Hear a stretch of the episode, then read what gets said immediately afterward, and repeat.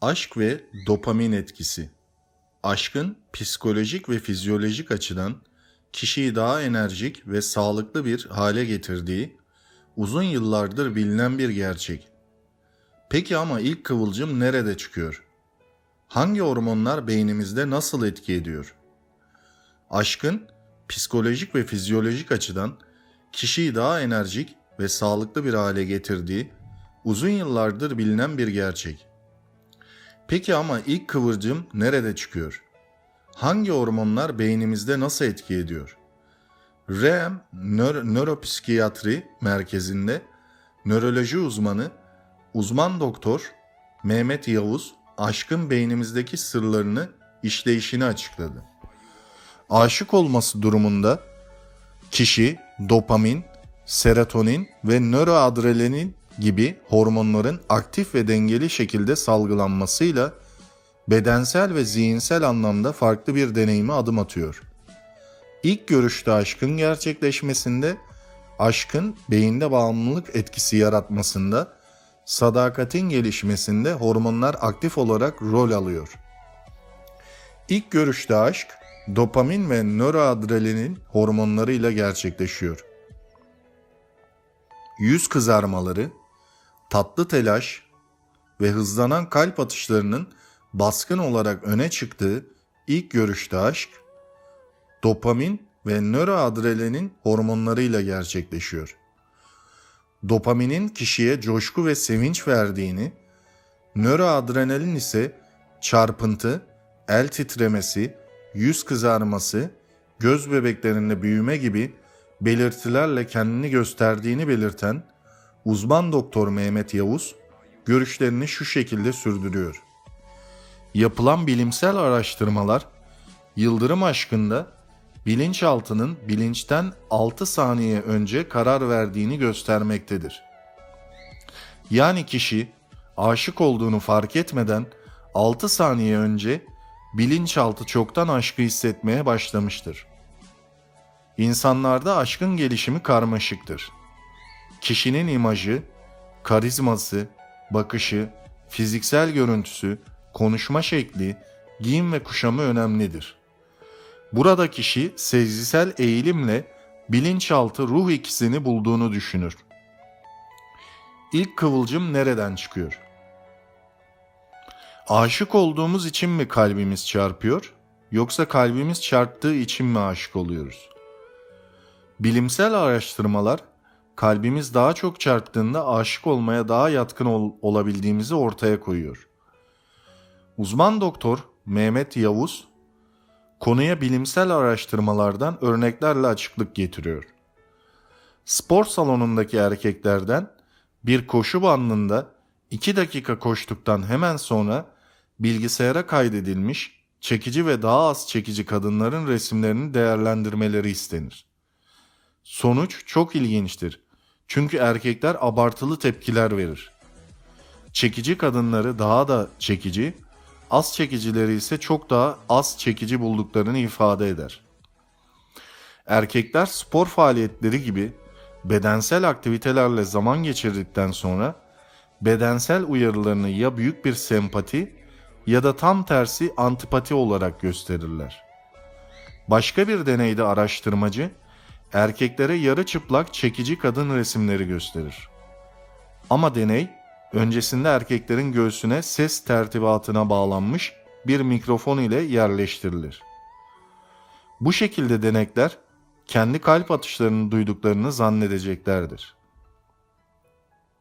Fakat gerçekte daha önceden kaydedilen ses bantları dinletilecektir. Araştırmacı kişi sesi erkeklerin belirli slaytlarla kalp atışlarının birden hızlanacağını duyacakları şekilde düzenler. Aslında kalp litrimleri normal olduğu halde kişiye mikrofon vasıtasıyla kalp atımları sanki hızlanmış gibi algılatılır. Bu küçük aldatmacanın etkisi büyük olur. Çünkü erkekler kalp atışlarının güya hızlandığını işittikleri esnada gösterilen kadınlara en yüksek çekicilik puanlarını vermişlerdir. Daha da şaşırtıcı olansa aynı kadın fotoğrafları bir ay sonra yeniden gösterildiğinde fotoğrafları hiç hatırlamasalar bile daha önce yüksek not verdikleri kadınla yine yüksek puan vermeleridir. Çünkü artık o kadınlar sosyal hafızaya kaydedilmiştir. Bu noktada bilinçaltı sosyal hafıza devreye girmektedir. Eğlence mekanlarında ve barlarda çiftlerin birbirlerine yakınlaşmaları da aynı psikolojiyle olmaktadır. Çünkü aynı köprü deneyinde olduğu gibi ses, ışık, müzik ve sahne düzeni onların birbirlerine yakınlaşmaları için uygun psikolojik ortamı da hazırlamaktadır. Aşk hormonları gidiyor, yerine oksitosin geliyor. Aşık olunduğunda etraftaki insanların da bu değişimi hemen anlayacağını söyleyen uzman doktor Mehmet Yavuz görüşlerini aktarmayı sürdürüyor. Aileniz, iş arkadaşlarınız, dostlarınız ve fiziksel psikolojik değişiminiz oldukça belirgindir. Aşk hayatınıza neşe ve gülümsemeyi getirir. İstisnalar olmakla beraber aşkın ömrü iki buçuk yıldır. Daha sonra dopamin ve nöroadrenalin hormonları aradan çekilir. Yerlerini sevgi hormonu olan oksitosine bırakır. Sevgi ve zamanla oluşan alışkanlıklar, hatıralar ya kişileri bir arada tutmaya devam eder ya da bireyler yeni aşklara, yeni arkadaşlıklara yelken açar. Aşık olunduğunda salgılanan endorfin hormonu uyuşturucu etkisi yaratıyor. Aşk esnasında beynin fonksiyonel MRI ve PET incelemeleri ile elde edilen bulguların madde bağımlıları ile benzerlik gösterdiğini kaydeden uzman doktor Mehmet Yavuz, aşkın da aynı uyuşturucular gibi haz ve keyif veren endorfin hormonunun sargılanmasına neden olduğunu söylüyor. Diğer taraftan uyuşturucu bağımlısının uyuşturucu bulamaması durumunda gösterdiği belirtilerin aşık olan kişinin terk edildiği zamanki bulgularıyla paralellik gösterdiğini ifade eden Yavuz, her iki durumda da fiziksel ve ruhsal çöküntü halinin olabileceğini belirtiyor. Aşkın nörobilimi Aşk ilişkilerinin erken evrelerinde sinir büyüme faktörü NGF salgısında artış olduğu da gözlenmiştir. NGF salgısında gözlenen artışın yakın dönemde aşık olanlarda uzun süreli ilişkileri olanlara veya hiç aşık olmamışlara göre anlamlı olarak daha fazla olduğu gösterilmiştir. Aşk ilişkilerindeki belirleyici rolünden sıkça bahsettiğimiz cinsel uyarılma ve şehvet duyguları sırasında aktivite olan beyin bölgeleri hipotalamus, anterior cingulate gyrus, stratum ve nucleus accumbens'tir. Bazal ganglionlarda bulunan stratiumunun bir parçası olan nucleus accumbens haz ve ödül merkezidir. Ve nucleus accumbens'e bağlantılar amigdala, dorsolateral prefrontal korteks DLPC ve ventral tegmental alandan VTA gelmektedir. VTA dopamin üreten hücrelerin bulunduğu beyin bölgesidir ve aşk duygusu ile birlikte harekete geçtiği zaman daha çok dopamin üretilmesine neden olur. Daha fazla dopamin üretilmesi artan kaudat çekirdek aktivitesi ise aşık olunanı elde etmek gibi hedefe ödül yönelik davranışları arttırmaktadır. Beynin ortasında C şeklinde yer alan kaudat çekirdek aşkla ilgili önemli beyin alanlarından bir tanesidir. Ödülün algılanmasını, hedef alınmasını ve elde edilmesi için gereken motivasyonun harekete geçirilmesini sağlamaktadır. Kaudat çekirdek aynı zamanda ilginin odaklanması ile ilgili görevlere de katılmaktadır. Seksüel davranışlar beyinde talamusun altında bulunan ve üçüncü ventrikülün tabanını oluşturan ön beyin bölgesi hipotalamus tarafından kontrol edilir. Özellikle ön ventral hipotalamus ve erkeklerde korteks piriformis seksüel davranışlarla ilgili işlevleri yürüten bölgelerdir. Vazopresin ve oksitosinde çekirdeklerden oluşmuş bir yapıya sahip olan hipotalamusun kontrolündedir. Nucleus supraopticus ve Nucleus paraventricularis çekirdekleri aracılığıyla vazopresin ve oksitosin salınımlarını düzenler. Seksüel duygularla ilgisi bulunan başka bir beyin bölgesi de amigdaladır.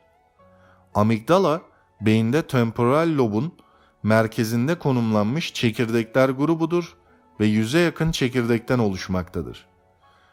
Emosyonların denetimi amigdala, amigdala tarafından gerçekleştirilir ve tüm memelilerde sağ amigdala sola göre %16 daha büyüktür.